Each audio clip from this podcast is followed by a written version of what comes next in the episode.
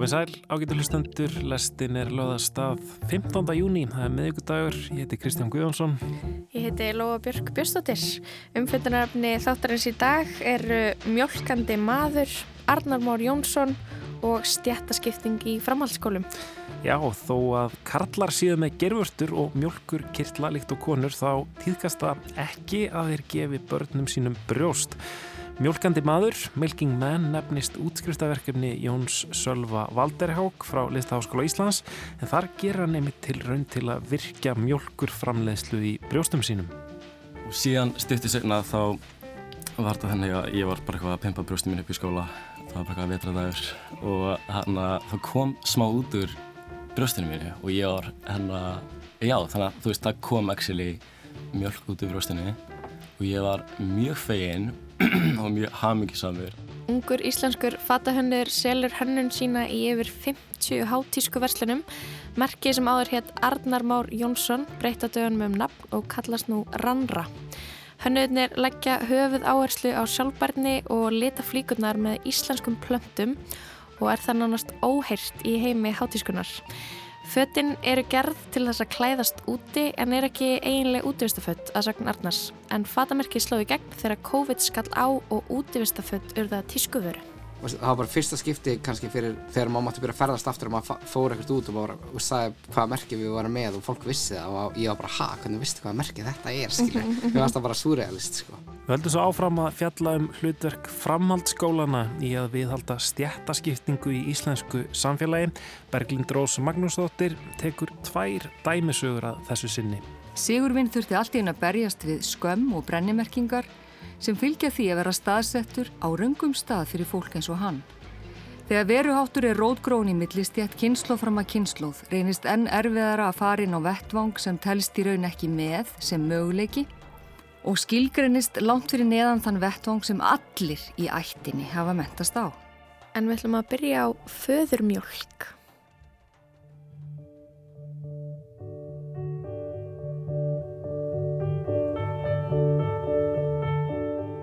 Spendýr eiga það sameinlegt að hafa kirtla sem geta framleitt mjölk sem að nýtist til að næra ósjálfbjarga ungviði á fyrstu mánuðum æfiskeiðsins.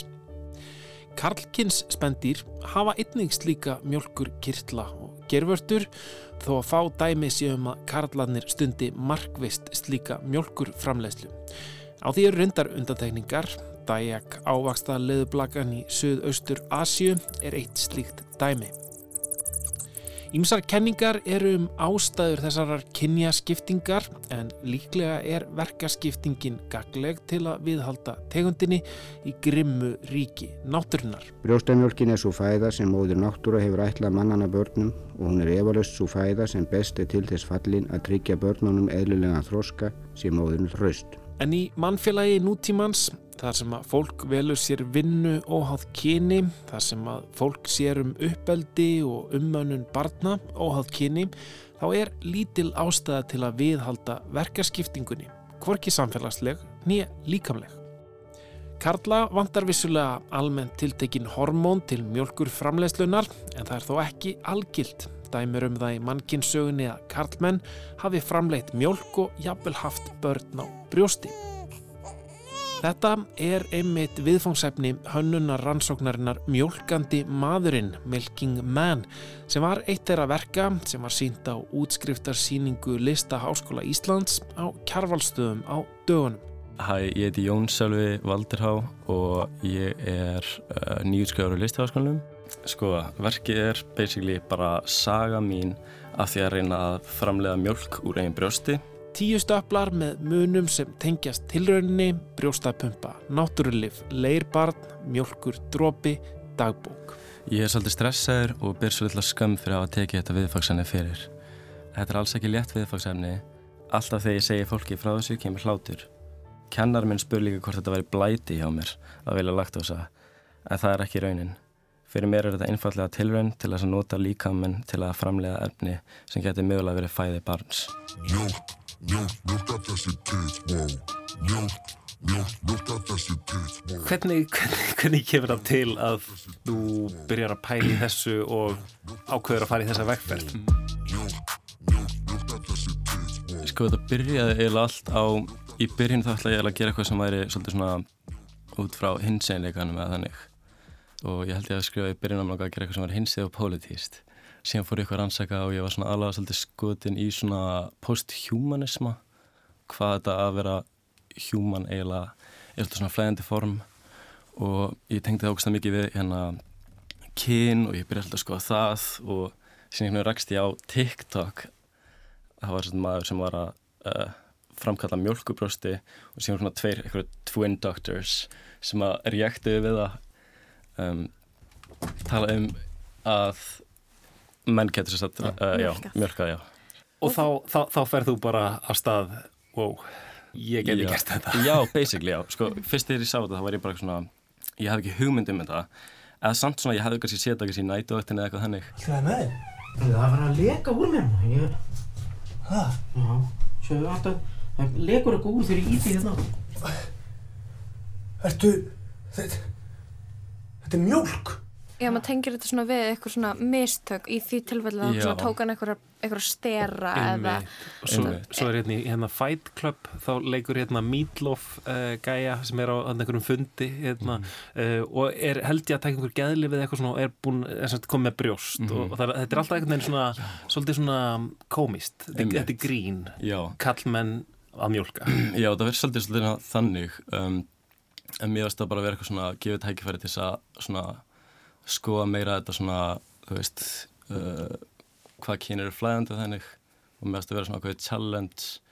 Og ég vissi ekkert hvað ég var að fara út í en ég var svona okkur pröfum þetta um, og mér varst þetta eitthvað sjúklega áhugavert eitthvað ég geti framkvæmda mjólk og whatever. Og ég fekk bara svona upp ljóminn. Ég var alveg svolítið bara svona what the hell þú veist, af hverju vissi ég þetta ekki? Af hverju hefur mér alltaf verið kent þetta eða neitt í þáttin einhvern veginn? Af því að einhvern veginn í samfélaginu í dag þá einu sem er að pródúsera mjölk er eiginlega bara mæður sem eru vegna spörn og þannig uh, og þurfa að fæða um, þannig ég eitthvað svona uh, skoða anatómíun og þannig aðalega í byrjun og var svolítið svona, er þetta mögulegt veist, uh, og kom síðan að því að þú veist, við erum alveg með nákvæmlega sömu líffæri hvað sem mátt kallaða kona eða, eða kynsegin eða hvað er um, þá eru öll sett með mjölkukirtla og þetta er eitthvað hormón sem kallast prolaktin sem að heila vingutin sem er svona innst inn í heilanum okkar uh, sendir út og hormónin er sem sagt ít á stað uh, mjölkuframlæsli í uh, mjölkukirtlanum og gera verkum að við getum til síðan brótið sér mjölk og ég var bara eitthvað svona, ok, herru, þetta er eins og eitthvað svona verksmiða eða eitthvað. Þetta er eitthvað svona, náttúrulega hvernig get ég ítt þessari verksmiða eða á stað? Ég komst að þessi að þú þurftir eiginlega bara svona að stimuleita brjóstinn, þannig að ég fór þá að skoða vörur og þannig og um, fann hérna uh, komst að, já, að ég þurfti kannski að kaupa mér bara brjóstapumpi þannig að ég uh, fór á bland.is af því að brjóstapumpur eru mjög dýrar og kostar 45 skall nýjar. En ég kefti uh, nota brjóstapumpu á þú veist 8500 eða eitthvað og önnu pumpan var ónýtt þannig að ég eitthvað svona gætt fara að pumpa annað brjósti í einu og ég var svona að læra á þetta fyrst í byrjun og komst að það væri svolítið svona að þegar ég pumpaði annað brjóstið þá anna, eftir svona tíu mínútur eða eitthvað gerðist eitthvað svona weird stimulation í bara líkamunum mínum þannig að ég byrjaði að finna bara fyrir einhver svona, svona uppljómun og bara eitthvað svona einhverju tilfinningaflói sem ég hafði einhvern veginn aldrei fundið áður og ég var bara eitthvað svona hvað er þetta? En ég man bara sérstaklega hvað ég var úrslega tengdur einhverju svona líkamsparti á mér sem ég hafði einhvern veginn bara svolítið svona litið framhjá kannski allt mitt líf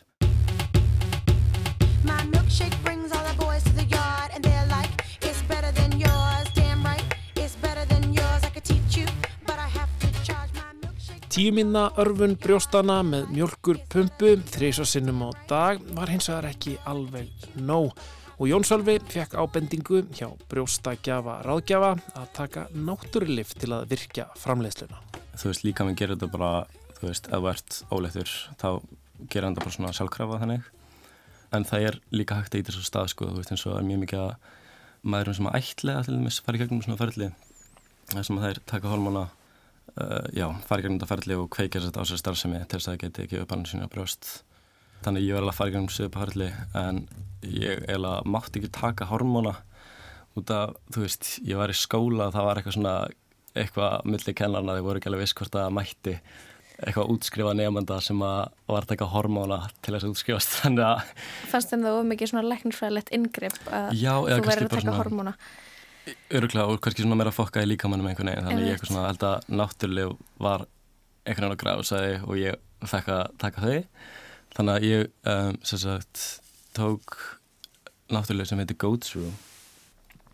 Og þetta er sem sagt planta frá Evrópu og það er sem sagt trú að hún hérna íti á stað uh, mjölkufremlæslu og eigur uh, mjölkur magn og þannig. En líka hjálpar að þú veist mynda þessa mjölkukirtla sem ég þurfti skilur við. Þannig að ég anna tók þú veist fjóra töflar á dag einhver tíma.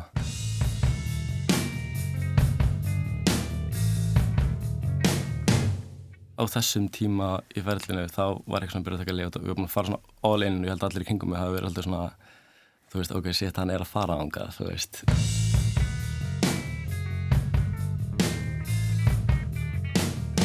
Ég held ég að upplifa svona svona bakslagað þannig svolítið svona mikla pressið mitt og ég veit það ekki, svolítið svona fyrðu fugl.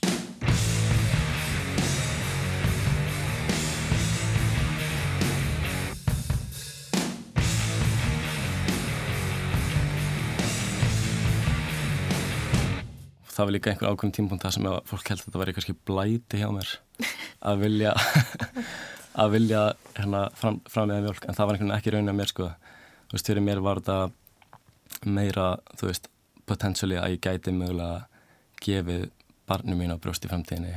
Uh, en á þennan tímpunkt það var heldur svona uh, fannst mér akkurat vanta barn eða þannig til þess að einhvern veginn á að tengja eða eitthvað sem að kannski væri sem barn. Þannig að ég sem sagt uh, spurði kærasta minn, Jean-Luc, hvort að um, hann væri til í að búið til barn með mér hann að ég kefti hérna, leiruðum sem sagt barn saman og tókum bara saman með það sem ég svona byggum til barn saman og vorum með hann inn í íbúðinu minni og hann að, eða íbúðin okkar og vorum með hann bara hann inni og einhvern veginn svona vorum eiginlega að hérna sjáum hann og svona elska hann og vinna einhvern veginn með þessu uh, barni til þess að að hjálpa mér að hérna framlega mjólk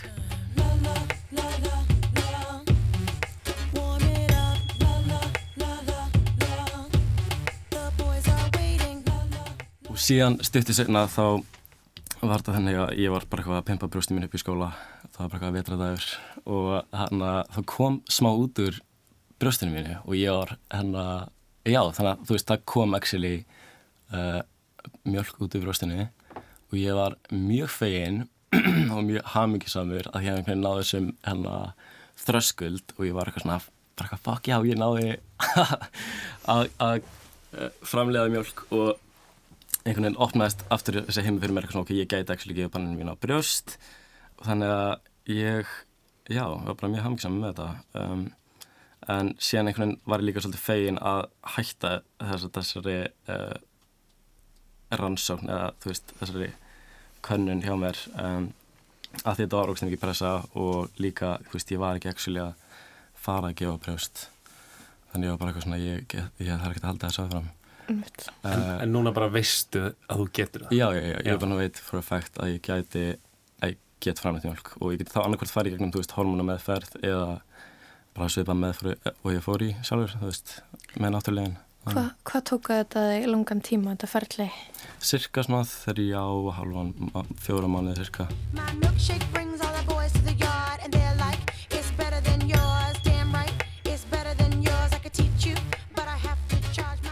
Sko, viðbröðin voru alls konar uh, og þau voru ógæslega skemmtileg, mörg. Uh, það var svolítið gaman að vera ég á þessum tíma, myndi ég segja, uh, út af að það var svo ógæslega fjölbreytt hérna viðbröðin. Fyrst var það, það var alltaf sko hlátur í byrjun. Það var alltaf bara svona, what, hvað er í gangi hérna? Og sem ég sker alveg, því ég held að ég hafi líka alveg verið fyrst með smá hlátur fattari, þegar ég sá TikTokið. En síðan er þetta svolítið svona eins og svona veggur þú veist, að svona fyrsti vekkurinn er svolítið hlátur eitthvað svona haha, kalla mjölka að þú er kona. Og sína hinn vekkurinn eitthvað svona ok, býtu, við erum hérna kallar geta, þú veist pródusera mjölk, þú veist, hvað er, hvað, hvað er það? Og síðan opnast einhvers konar heimur þegar maður svona lítur meira og meira svona framhjá þessum veggjum og maður getur séð einhvers konar, þú veist, svolítið svona futuristic heim þar sem að að væri mögulegt að allir gætu gefið á brjóst, basically. Mjölk, mjölk, mjölk að þessi tits, wow Mjölk, mjölk, mjölk að þessi tits, wow Mjölk, mjölk Mér finnst allavega eitthvað áhugavert við að kannski reyna að meila þessum hérna heimi með, þú veist, bara hvernig myndi heimurinn líta út ef að allir gætu gefið á brjóst, þú veist, saman hvað að kynna einhvern veginn. Hvað þetta þýðir, hvað gerir það okkur, þú veist, svolítið svona það sem að allan hjálpaði mér að fara í gegnum þetta allt allan tíma var eitthvað svona, ok, ég er að berjast geðvikt mikið að móti, þú veist, mínu identity sem karlmaður uh, og ég er eitthvað svona að fara á móti öllu því sem að hvað er að vera karlmaður og hérna, Þetta er líka smá jarðspröykjusvegi, bara til að skjóta inn í bara að þú veist, einhvern veginn á sama tíma og atna, það að vera bundin við kornabarni í marga mánu er kannski eitthvað sem viðheldur eitthvað, þú veist, óriðtlæti, þannig séð, mm. uh, eitthvað ójafvægi í, í samfélaginu og samböndum, þá svona er þetta líka eitthvað svona sem að hafa verið, um, eru líka forréttindi, hvenna, í eitthvað svona foreldra samböndum og að þú veist, eitthvað, þetta er eitthvað sem ég geri og það gerir mig nánari barninu þá, þú veist, þannig að þetta er einhvern veginn á sama tíma og uh, ertu líka aðeins að stíga inn á svæði hvenna sem að eru, það, eru kannski ekki til í að að eiginmaðurinn eða makinn sé eitthvað að fara að gefa brjóst. Það vilja kannski hafa þetta svona eða þú veist, það er þessar hugmyndir líka sko, sem eru svona hættulegar. Já, ég fekk einhvern mann ráðið einhverjum að ég get mikið svona backlash frá svona second stage feminist fólki. Þannig að, en ég veit ekki, ég er kannski ekkert endilega sammálega að sé eitthvað eitt sem er kvenlegt og eitt sem er kalllegt fattur þú veist, sorry, bara en ég upplifa ekki heima þannig. Og að því endur deg þá erum við öll bara spendýr, skilur við við erum öll með spena og síðan erum við með kinnfæri þú veist, þannig að árun við erum konaði kall þá erum við með spena og þá erum við með brjóst og við erum með uh, mjölkukirla og allt þetta. Um, þannig að þú veist, eins og áður en að við erum allt þetta sem að samfélagi segir okkur, þá erum við þú veist, það sem að bindur okkur saman við önnur dýrjafæli eru þessi spenar. Þannig að, já, mm veist, það, það er svona meira my point of view, sko tits, wow Mjölk, mjölk, mjölk að þessi tits, wow Ég mjólk stendur fyrir gengsta. Allir dag jól því ég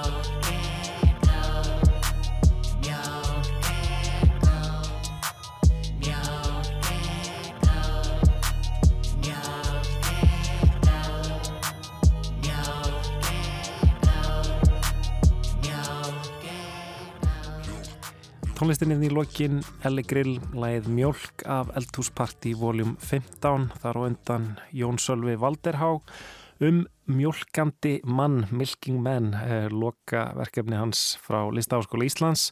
Úr vöruhönnuna deild eh, við reynda spurðum Jón Sölva út í það hvort hann leiti á sig sem vöruhönnun og hvort þetta væri vöruhönnunar verkefni og hann eiginlega svona sagði nei leit, lítur eiginlega á sig sem bara svona tilraunakendan hönnuð, um, experimental hönnuð.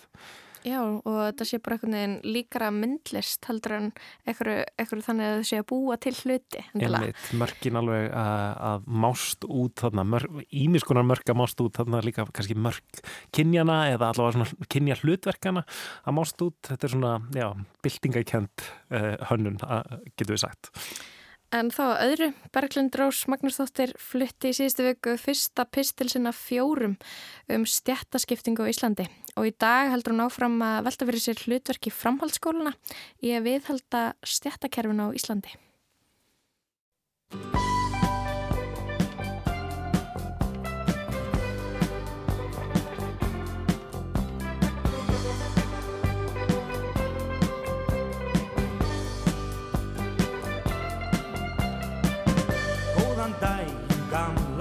Gráa skólahús. Menta veginn gekk ég reyndar aldrei fús. Eina glætan daga langa í tilverunni var Þegar skólabjallan hringdi frí mínúturnar Við sköpum okkur sjálf, en í kringumstæðum sem við völdum ekki. Þessi orð Louis Archer, félagsfræðings, eru mjög viðegandi fyrir okkur sem fæðumst inn í þennan heim. Við venjumst uppeldisaðstæðum, verðum samdöina þeim og veruháttur okkar markast að þeim. Við verðum eins og fiskurinn í vatninu sem gerir sér ekki grein fyrir að hann er umlukin vatni. Flestir átta sig ekki á eigin valdatengslum, gildum og viðmiðum í sínum vanabunna takti fyrr en þeim er augrað með einhverjum hætti. Hér verða sagðar tvær erkitýpusögur sem byggja á byrtum greinum okkar unnarættu Garðarstóttur þar sem nefnendur upplifa sig á skjön í framhaldsskólanum sínum og skinja þannig eigin stjættar uppruna. Fyrir sagan hverfist um Sigurvin sem ætlaði einna vinsælu bóknámskólanum sem sískinans öll og foreldrar höfðu mentast í en hann komst ekki inn í þann skóla. Aðsókn í hinn að svo kulluðu bestu skóla hafði snar aukist og margur þurfti frá að hverfa sem hafði þó sterkast stöðu í bóknámi. Í Einó, en ég nota gerfina fyrir nefnendur og skóla, þar sem Sigurvin hóf sitt framhaldsskólanám, var bóðið upp á bæði bóknám og verknám og nefnendur með föllun eða annað móðumálun íslensku voru velkomnir. Þetta var skóli sem bauð upp á alls konar fyrir alla eins og einn nefnandin orðaði það og tók meðal annars við brokkvarsnefndum úr háttskrifuðu skólunum.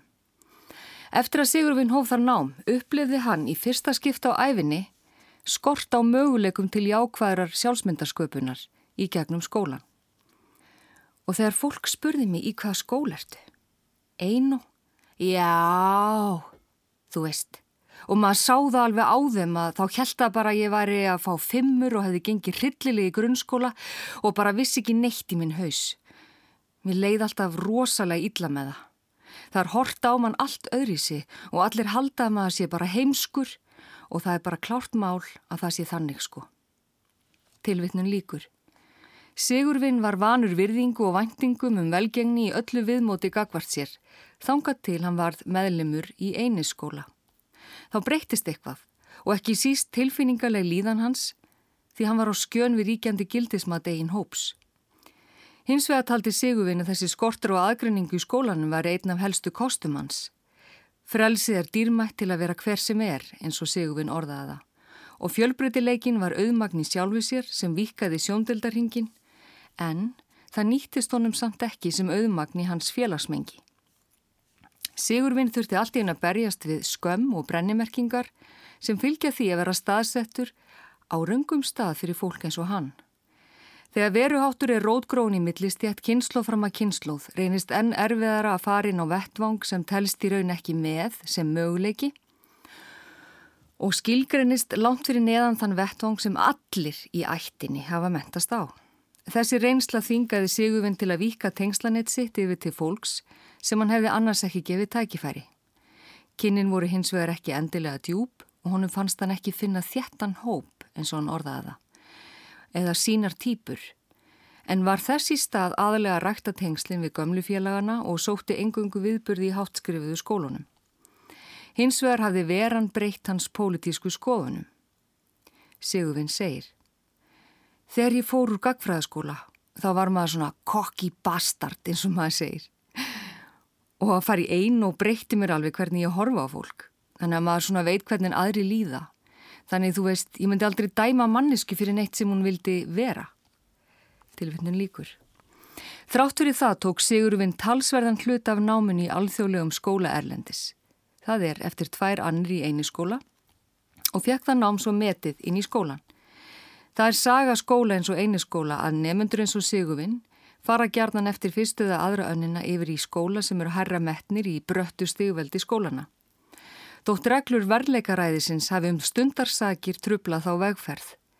Það kom skýrt fram í rannsókninni sem fól jafnframt í sér viðtölvi stjórnendur að stöðuar breytingar á nefndahópnum væri vandamáli sjálfu sér, meðal annars til að halda upp í félagslífi og byggja upp heildstætt og öflugt skólasamfélag í eini skóla.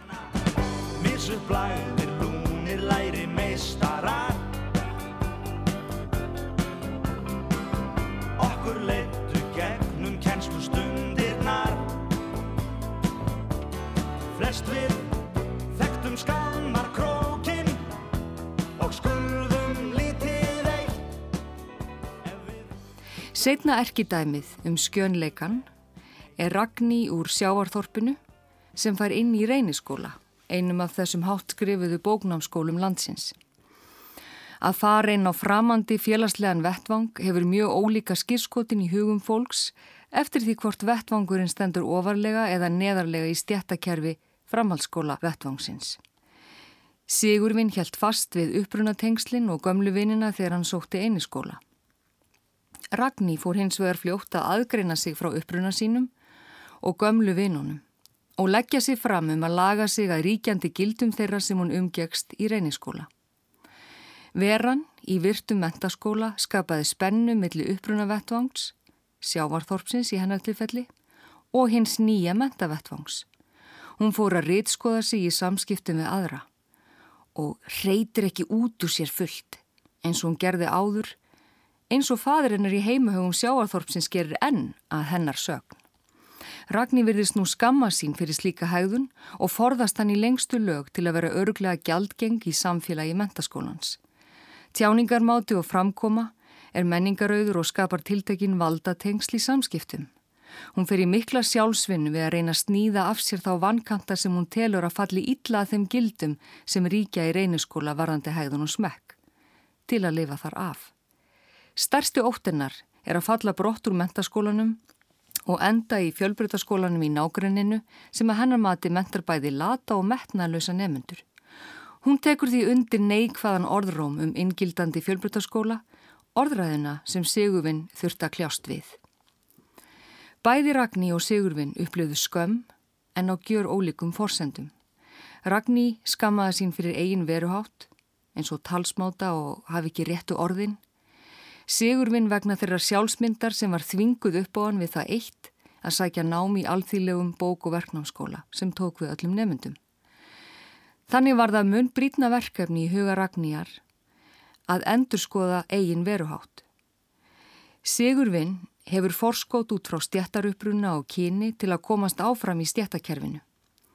Hreyfanleiki er megin breytan til að átta sig á stjættastöðu fólks í nattrænum heimi. Þeir sem eru vel staðsettir í valdakerfi samfélagsins strax í upphafi vegferðar sinnar geta tekið meiri áhættur og hafa fleiri leiðir til að koma sér og sínum vel fyrir. Jáfnvel þótt þessari vegferð sé raskað um stundar sakir. Ragní þarf hins vegar fyrst og fremst að treysta á skólakerfið til að skapa sér sterka möguleika og hreyfanleika til framtíðar. Það sem þau eiga samílegt er að þau verða óþægilega vörfið hvernig þeirra eigin upprunni mótar þessa vegferðira og þrátt fyrir að valdi til að skapa sér sjálf sé allt um líkjandi, þá þurfa þau eftir sem áður að horfast í augu við hvernig eigin upprunni og staða skólans þeirra í stjættakerfi framhalskóla vettfóngsins setja mark sitt á upplifinu þeirra, val og viðbröð.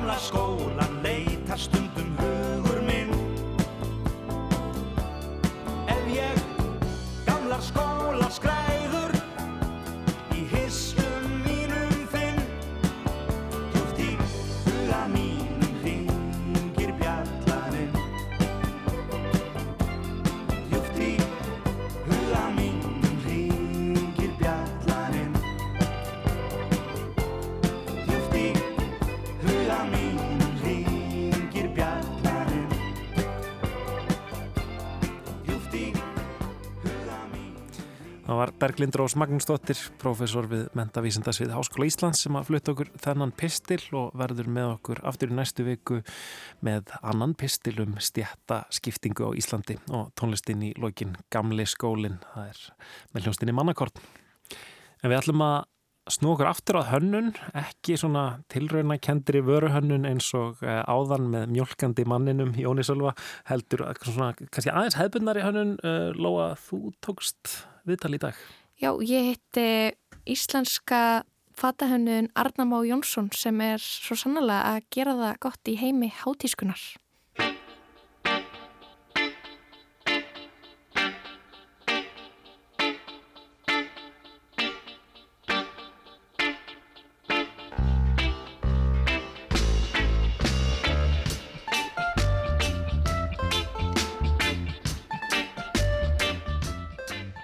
Mér er sestur fatahönnurinn Arnar Már Jónsson, verður hérstalega velkominn.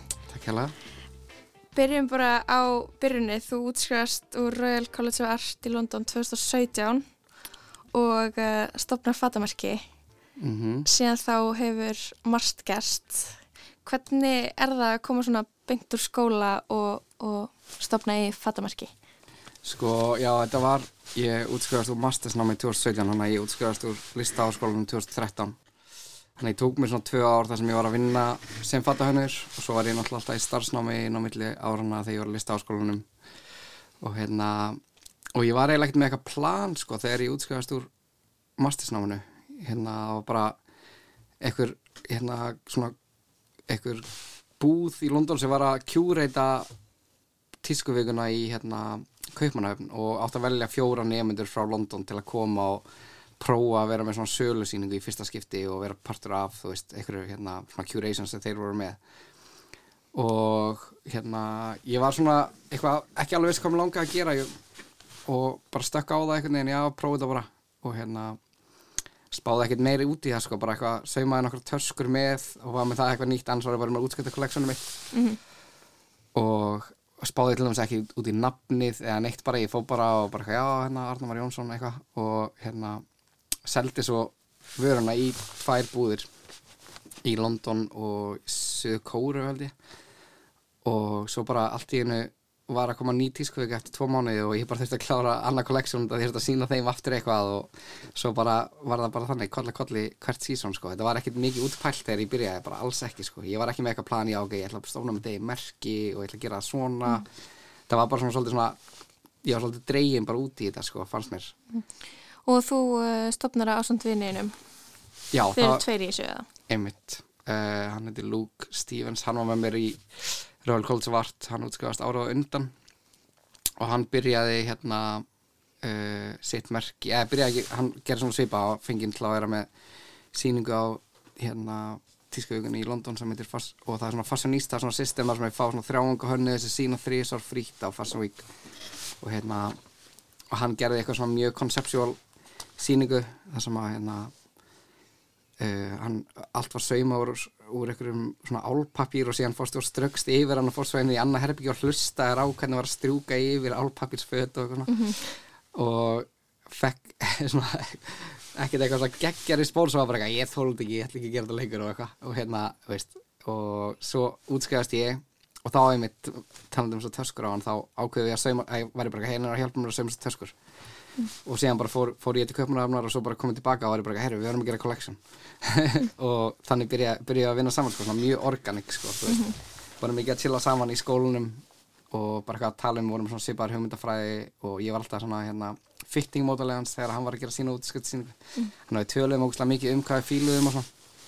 Og hvernig er það svona, nú er komin smá tími síðan þið byrjuðu að hanna saman. mm Þú segir þetta hefur bara svona gengið koll á kolli. Var eitthvað svona, var ekkert moment sem gerðist þar sem að þetta fötin eitthvað byrjuðu að svona brjótast út og uh, vekja aðtegli eða hefur það bara svona smátt og smátt alltaf orðið vinsalla og vinsalla?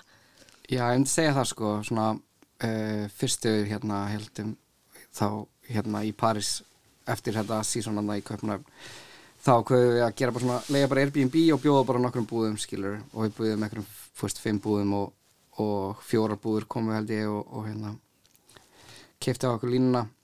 Og síðan hérna bara gerðu annað kolleksjón og þá ákveðu að vera í svona, fá svona hjálp með svona sö- sölu þjónustu og þarna vorum við bara eitthvað að sauma þetta bara á gólfinu heima hjá okkur sko, bara, þú veist, vorum með 12 eða 15 flíkur eða eitthvað, ég manna það ekki alveg.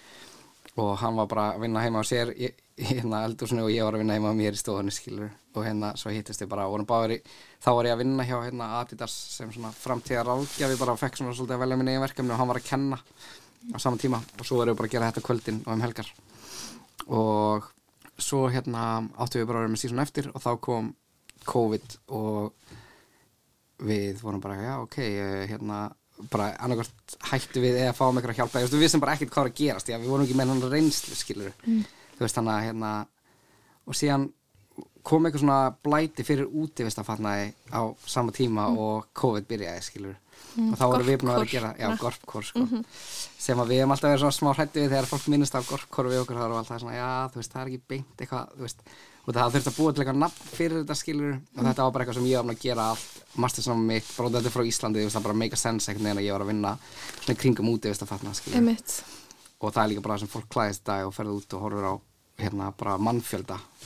Það er bara 99% í útvistafötum og gallabuxum, þú veist, þú sér engan í jakkafötum og eitthvað samt er einhvern veginn tískabræðsum allt bara jakkaföt og Þannig að þú varst einhvern veginn byrjaður að, að vinna með útivistafötin sem einhvern veginn smá innblástur áður en að það komst síðan bara harkalega mikið í tísku. akkurat. Ertu með eitthvað svona, í því skilum mitt að vera frá Íslandi og það er, veist, það er einhvern veginn, er allir bara búin að vera í 66 fötum sem þeir fættust og bara allir þurfa að vera í af því það er alltaf hræðilegt viður. Það ertu með eitthvað kenningar um það af hverju þetta er allt í einu svona vinsælt og að það hlýtur að, kom, það hlýtur að vera eitthvað svona, tískan hlýtur að elda eitthvað svona hugafarsbreytingu. Já, ég meina, þú veist, það er bara frekar auglast út af því að veist, það þekktist ekki, ég bjóð í London þegar COVID byrjaði, skilur Mhm. og við vorum bara læst inni, ég og kona mín bara eitthvað, við máttum ekki fara út úr húsi og literally þurftum að vera bara í joggingfötum þú fórst út úr húsi, annars kom bara löggan og rak þig heim, skilur, bara Já, ok. annarkvært þarfst að vera með búðapoka eða þá í joggingfötum út þú máttu bara fara út í búð eða þá fara út að æfa Þú veist, og það er bara literally þannig, sko. Þú veist, fólk var bara út að svölum sjö og kvöldin að klappa og það var bara eitthvað svona Ó, þetta er gegn tilfinningar, þú veist, heyra bara í öðru fólki Já, og klappa fyrir já, heilbrigðisstarfsfólki. Já, klappa fyrir heilbriðstarfsfólki og maður bara bara frá hérna, þú veist sex, svona fyrstu skiptin bara eitthvað ok, það er bara kortur í þetta eitthvað. Þú veist, þá liggum Þess að við þannig, súrta rifið upp Já, og það er eitthvað, sko. og þá byrjaði náttúrulega fólk bara að fá svona algjört kreifing bara í úti, veist, og náttúru skilur og þetta var bara svona út um allan heim veist, þetta, síðan komum við heimi til þessum sömarið til Íslands. Og þá var bara eitthvað allir að tala um COVID og okay, bara, veist, það er ekkert COVID hérna, eða, það er COVID en þú ert ekki þú finnur ekki fyrir eins og þannig að vorum literally bara læst inn í 60 fermetrum í blokkar íbúð skilur Mhm. og bara við máttum ekki fara út. Þetta var, var hefi erfitt sko, þannig að maður skildi alveg algjörlega akkur að það kom svona þetta æði fyrir útvist Mhm. og hérna svo þegar að þegar að hérna þetta byrjaði svona að pikka upp hjá okkur bara þessi við föttuðum ekkert strax að það var eitthvað út af því sko. Þess að áhugin á hönnun ykkar kemur svona í kjölfar þess að það sem við kallum gorpcore sem Akkurat. ég ætti kannski að útskýra sem stendur bara fyrir good old raisins and peanuts Já, já. og er bara, þú veist, bara það, það klæðast í skel og vindjakka og útivistabuxum þegar það kom í tísku og, og rapparar í Arterix jökkum og eitthvað svona, Nákvæmlega. þú veist, það er bara þetta þannig að þá, einhvern veginn, þegar það kemur í tísku þá, hvað, springur eitthvað merkið aðeins út eða? Já, ég myndi segja að það fengi alveg svona freka mikla aðtigli svona akkurat þá sko, samt svona hægt og róla því að við vorum alltaf með svona hugmyndafræði uh, upp á það að við vildum alltaf passa upp á að ná að hanna fötin nákvæmlega sem við vildum hafa, hafa þau skilur út af því að þetta var svona frekar teknísk föt og við vorum að búa þau til úr nýjum efnum, við vorum, við vorum að nýta okkur líka náttúrum svolítið mikið, við vildum gera náttúrulega útvist eitthvað, hvernig er það hægt, bla bla bla. Mhm. og hérna, þannig að við vorum ekkert að reyna að fá eitthvað svona massa pop skilur og þú veist það var aldrei eitthvað svona sem okkur langaði sko. Og hérna en við tókum alveg eftir að þá allt í hennu voru bara búður og gett æstari að köpa vöruna og hérna en út af því að maður var bara líka læstur inn eitthvað þú veist þá faktaði maður aldrei eitthvað að, að það gekk gett vel hjá okkur kannski. Við vorum bara Mhm. og það, veist það er alltaf strögglaðar með fatamarki þú veist sérstaklega í byrjun sko. Þetta er alveg mjög hérna erfi, erfiði business sko. Þannig að þú veist við vorum bara svona og það var bara fyrsta skipti kannski fyrir þegar maður mátti byrja að ferðast aftur og maður fór ekkert út og, bara, og sagði hvaða merki við varum með og fólk vissi það og ég var bara, ha, hvernig vistu hvaða merki þetta er, skilur, Mhm, mhm. við varst það bara surrealist, sko.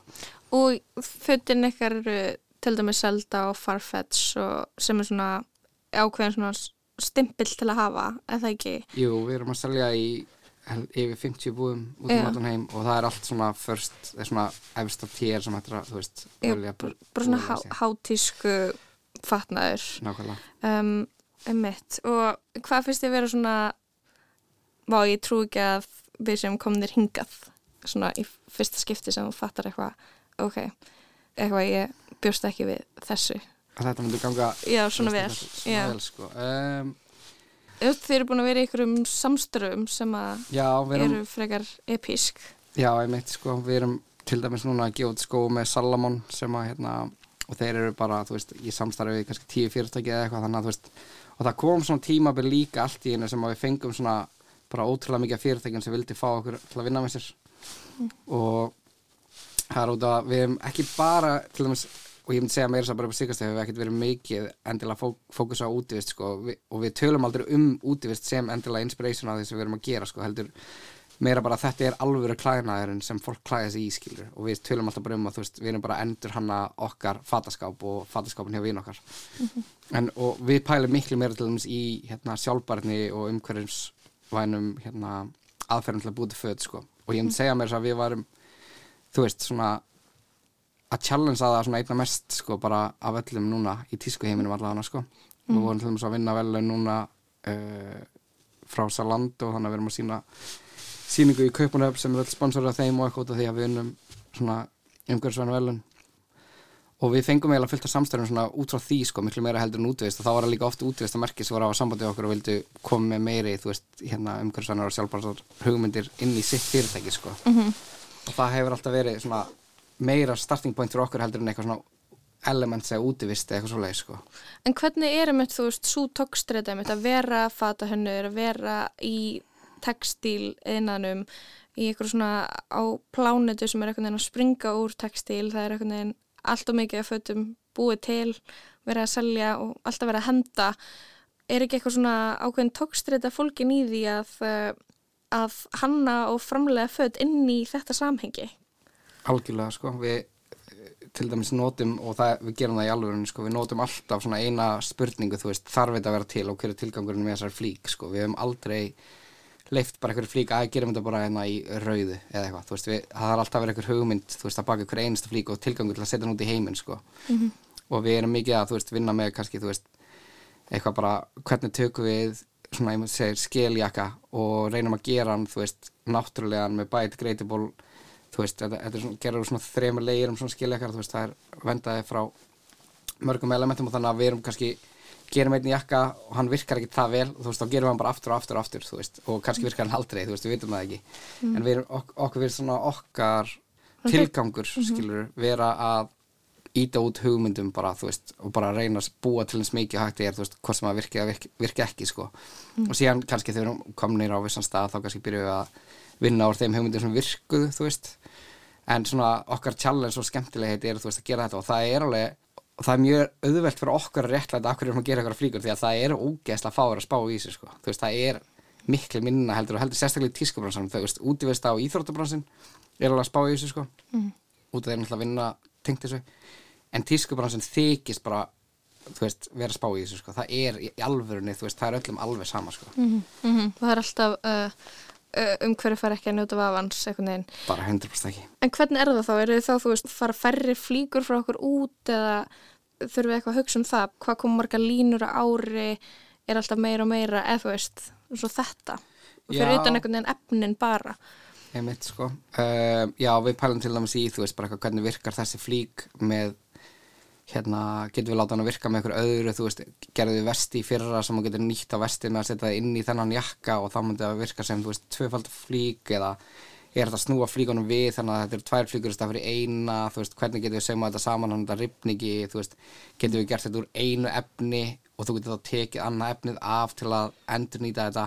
Þú veist, þannig að þú veist, eins og ég segja, það, það er oft frekar auðvelt fyrir okkur að hérna, réttlæta það að við séum að gera fleiri og fleiri flíkur á hverju ári og séum að stækka því að þú veist, við erum actually að reyna að hugsa um umhverfið á meðan þú veist, sam, kannski samkeppnisaðalunar okkar eru ekkert að spá því, skilu, þannig að Uh, ég veit ekki hvort að það, veist, það er réttlætað fyrir öllum sko, en það er réttlætað að klála fyrir okkur því að þú veist, að meðan við erum að gera það og meðan við erum að stækka þá kannski er það, þú veist, byrja aðra að hugsa, já, ég ætti kannski aðeins að taka þetta upp, skilur Mhm. og fá þá passjón fyrir, því að við erum ekki að gera þetta sem akkurat, það er líka mjög mikilvægt. Við erum ekki að gera þetta sem einhver markasáallin þú veist, eitthvað svona, já, við ætlum að hérna markas við setjum aldrei neina stimpla í fötun okkar aldrei neina, þú veist, svona umhverfisvæna merki eða neitt, sko, við bara gerum þetta og við hugsaum bara, þú veist, þú getur ekki stofna fatamerki ára 2020 á þess að spá í þessu, þú veist, það var bara okkar hugafar, skilur Mhm, Einmitt. Og eitt sem þið gerir er að nota til dæmis eitthvað svona íslenska júrstir til þess að lita. Var það eitthvað svona frá upphafi mikilvægt í ykkar huga þessar litinu aðferðir og er þetta ekki líka einhvern veginn miklu umhverfisvætni leið til að lita? Þetta er klálega umhverfisvætni leið til að lita, sko, það er ekki spurning, sko, því að það er mikið af toxins og svona og mikið, mikið af Mhm. vatni sem nýtt og líka, við erum alltaf með mikið af vatni á Íslandi og við notum held ég, ég ætla, ég ætla bara að segja það en ég veit ekki hvað það er rétt. Við notum 1.5 þú veist, renewable water á Íslandi skilur þannig að þú veist, það er alveg til dæmis, ef þú getur litað eitthvað á Íslandi miklu eða miklu betra fyrir umhverja heldur en að litað allir um sannast þar Mhm. og já, þetta var bara líka partur á að vera svona lokal sko, þú veist, ég var nýfluttur til Íslands var bara eitthvað, hvað getum við gert á Íslandi? Og það er ekki mikið í bóði nema íslenska öllin og þú veist, svo bara fórum við bara frekar að týndum plöntur í Reykjavík skilur, og kerðum ekki eins og að ná í þar Mm. og notum þar til að lita fötin, þú veist.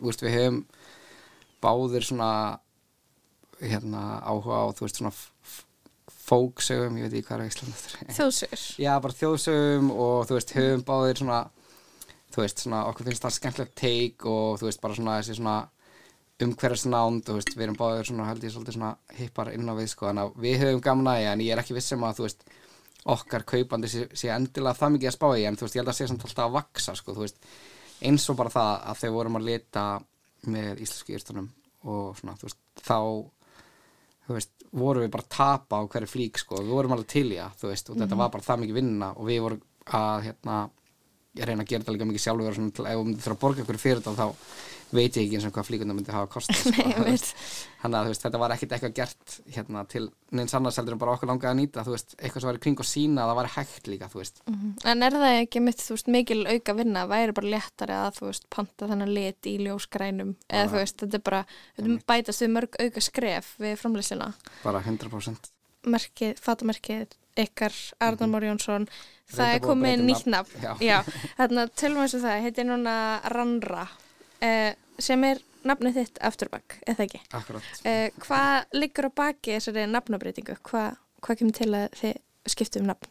E, það eru eiginlega alveg margar ástæður sko, eins og ég nefndi í byrjun líka bara það var aldrei, þú veist, ákveðið hérna, eitthvað í byrjun að brandið ætti að heita Arnómur Jónsson það bara var þannig út að ég var hérna útskriftanegi með að kynna fötin sem ég hannaði, skilur, í skólunum og þá héti ég náttúrulega bara þá, þá, þá var þetta bara nafni mitt sem var á skiltinu, skilur og þá bara allt í einu var það komið í ykkur búðir og, og ég og Lúk höfum alltaf gert það saman og ég held að hvoru er okkar langar, langar að hafa nafnið okkar og á þessu. Og svona, þetta er líka bara svona framtíðin sko, svona að taka smá egoið í burti frá tísku út að þú veist það er bara margir, margir teimin okkar, þú veist, það er margir sem koma að fötunum, margir sem koma að öllu og það heitir bara Arnum Már Jónsson veist, það er bara steikt, skilur, það er bara mjög margir sem vinna að þessu og, og okkur langar mjög mikið að kredita, veist, allar sem vinna með okkur og, og framtíðin hjá okkur er líka svolítið tengt í að, veist, við ætlum að breyta þessi hefbundna vinnu umhverfis í kringu tísku, þú veist, okkur langar að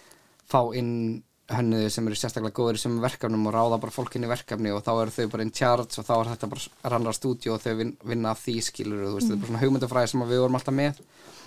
Og já, það var eiginlega svolítið now or never sko fyrir okkur akkurat að gera það núna því að það gæti orðið of seint sko það var meira sér að á ég var hinskilin þá þá fengum við alveg meira sér að fólk bara eitthvað var hefi ósatt við þetta sko sem Já. kom ekki að þetta óvart þú veist, ég var bara, hverjum er ekki sama hvað eitthvað heitir skilur Einmitt, það er bara búið að að koma eitthvað svona fólk er bara að byrja að læra nafnið og það Já. er eitthvað svona að vennast í en já, það er kannski þessi, einmitt, þessi gamla hugmyndafræði um einhvern veginn það sem einmitt hönnunarhús heita bara eftir einhvernum kalli sem dó fyrir Mhm. hundra árum og nú er þetta svona meira svona eins og eitthvað samvinnu vettfungur bara fyrir Mhm. ykkur til þess að vinna með alls konar listamennum Já, einmitt. Og bara við höfum líka alveg áhuga á meira hel- heldur en fötum sko, þú veist. Og hérna lókum, Arnar, hvað ert að gera núna, hvað er á döfinni?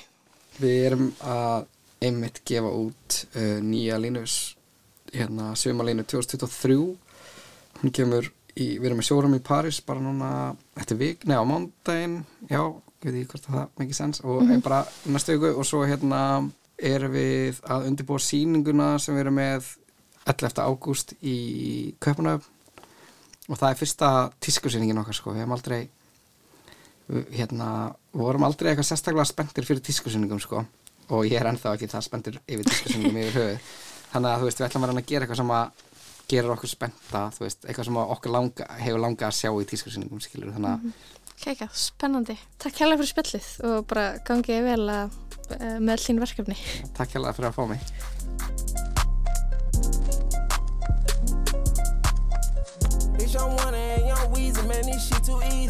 Different bitch for every season, showing me they cleavage. I take drugs and feel relaxed, it's like that therapeutic. She take that pussy on call back so she won't think I need it. Made it out of jungle, my ball ain't got no jumper.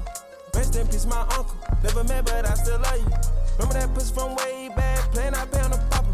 The hood where the killers at, made my pillow a chopper. This ain't that what you looking at, and we done updated the roster. You can tell it's a rich nigga posture. Y'all gon' wanna spitting it popper. Trapping at school, I was serving bags, probably was searching my locker. Who did your jury? It look like brass. One of your bro should've stopped you. Bitch, I'm one and young Weezy, man, this shit too easy. Different bitch for every season, showing me they cleavage. I take drugs and feel relaxed, it's like that therapeutic. She take that pussy on call back so she won't think I need it. I stick deep deep inside her throat, it ain't no more breathing. If I don't post and I go ghost, it's gon' be for a reason. Just got my reading and my reasons, I'm booked out the region. This jury call on me, I'm freezing. No way I'm anemic. Put up, put up to the photo, man, this shit too easy. Y'all gon' chop a brick like judo, snatch a Lamborghini. I got a different bitch for different places, different seasons. Bitch ain't playing the position, cutting her off, this shit too Þannig að rættu við við fatahönnuðin Arnar Má Jónsson. Spilum líka smá af læginu Too Easy með Gunna og Futures. Mér er svolítið gaman að Arnar Már sé að hanna uh, skó með, þetta eru eiginlega svona vinsalustu tísku skotnir í dag, eða svona götu tísku útivista skotnir, það eru Salomon skór. Arnar Már Jónsson, eða nú heitir þetta merkið Ranra, þú voru skipt um nafn. Arnar aftur á bak, eða Já? Arnar aftur á bak. uh, og það eru, eru Salomon X Ranra samstarf á leiðinni sem er Ok, aðeins spennandi. Litaðir með eh, íslenskum jurtum. Mhm. Já, við erum búin að vera í hönnuninni í dag, við erum búin að heyra um tilrunakenda hönnun, mjölkandi mann og, og svo um svona hefbundnari en þó svona uh, nýstárlega hönnun, það sem er notast við svona sjálfbærari aðferðir heldur en kannski áður fyrr og sérstaklega í þessum útivistar fatnaði. Men, Já, mjög flott hjá Arnari. Uh, svo heyrðum við í Berglindi Rós Magnúsdóttur sem að flutta okkur pistil um stjættaskiptingu. Um, Já, þannig að þetta var bara príðilegu þáttur í dag, Lóa, það ekki bara? Jú, ég geng sátt frá borði. Við verðum einna aftur á sama tíma á morgun við Kristján og Lóa þökkum fyrir okkur. Tæknum aðri dag var Lítiða Gretastóttir. Verið sæl.